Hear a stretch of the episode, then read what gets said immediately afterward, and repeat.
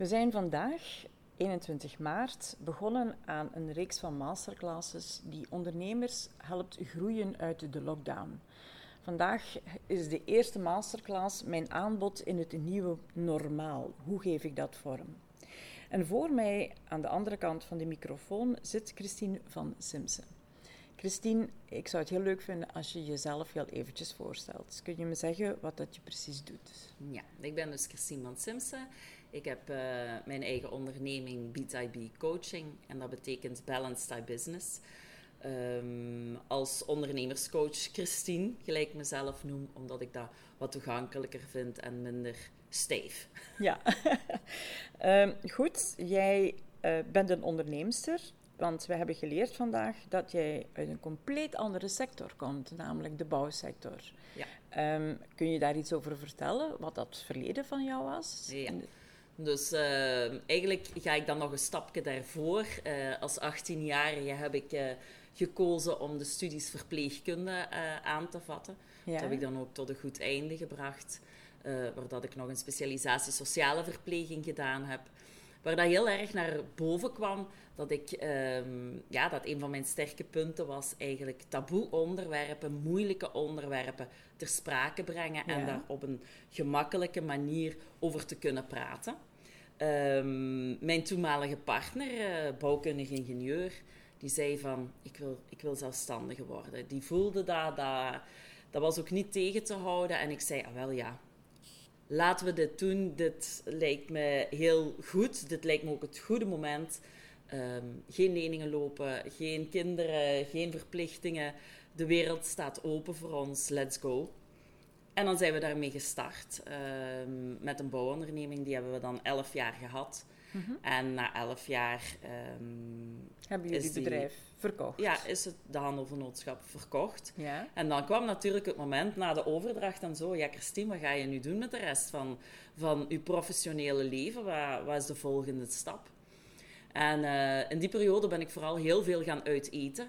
Waarom uiteten? Omdat ik uh, sowieso al voor heel veel van mijn van mijn collega-ondernemers echt wel een sparringpartner was. Die belde mij, Christine, ik moet een marketingplan hebben. Of Christine, een businessplan, ik wil een nieuw uh, project doen. Wat vind jij daarvan?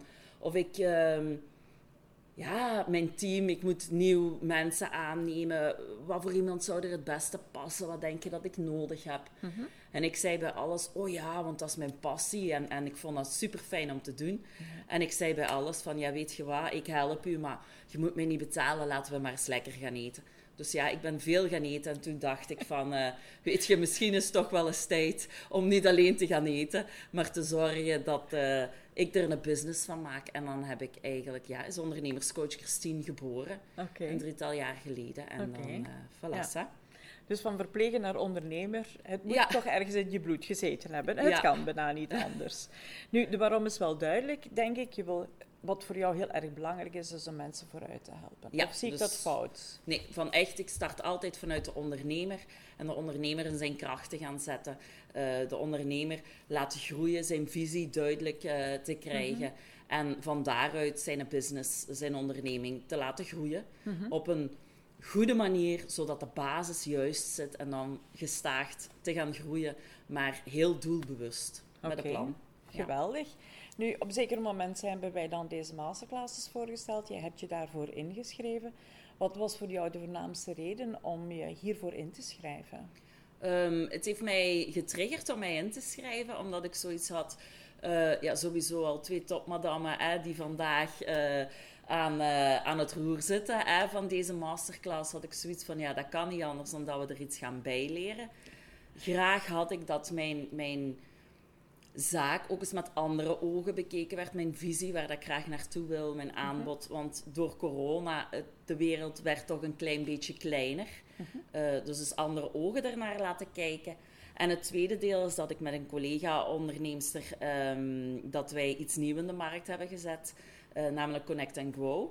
En uh, dat we zoiets hadden van... Ja, kijk, wij, wij willen dat professioneel. Wij willen dat onmiddellijk heel correct in de markt gaan zetten... En uh, ja, met meer weet je altijd meer dan alleen. dus uh, we hadden zoiets van, dit is het ideale moment, dit is een kantelmoment en we gaan ervoor. Oké, geweldig. Nu, we zitten uh, op, bij de opname van dit interview zitten we ongeveer op de helft van de dag. Heb je het gevoel dat het al wat bijgebracht heeft voor jou? Absoluut. Ik kan alleen maar zeggen dat eigenlijk de verwachtingen die ik had om geïnspireerd te worden en, en om uh, eens een andere kijk op de zaken te krijgen, dat dat volledig is ingelost. Want we zitten nog maar in de helft. En ik vind dat het meer inspirerend en meer diepgang vooral uh, was dan dat ik verwacht had. Okay. Dus dat is alleen maar positief. Geweldig, super. Heel erg bedankt uh, dat je heel eventjes de tijd hier voor, wou vrijmaken om, om dit aan een groter publiek te delen. Dank je wel. Dank je wel, dag.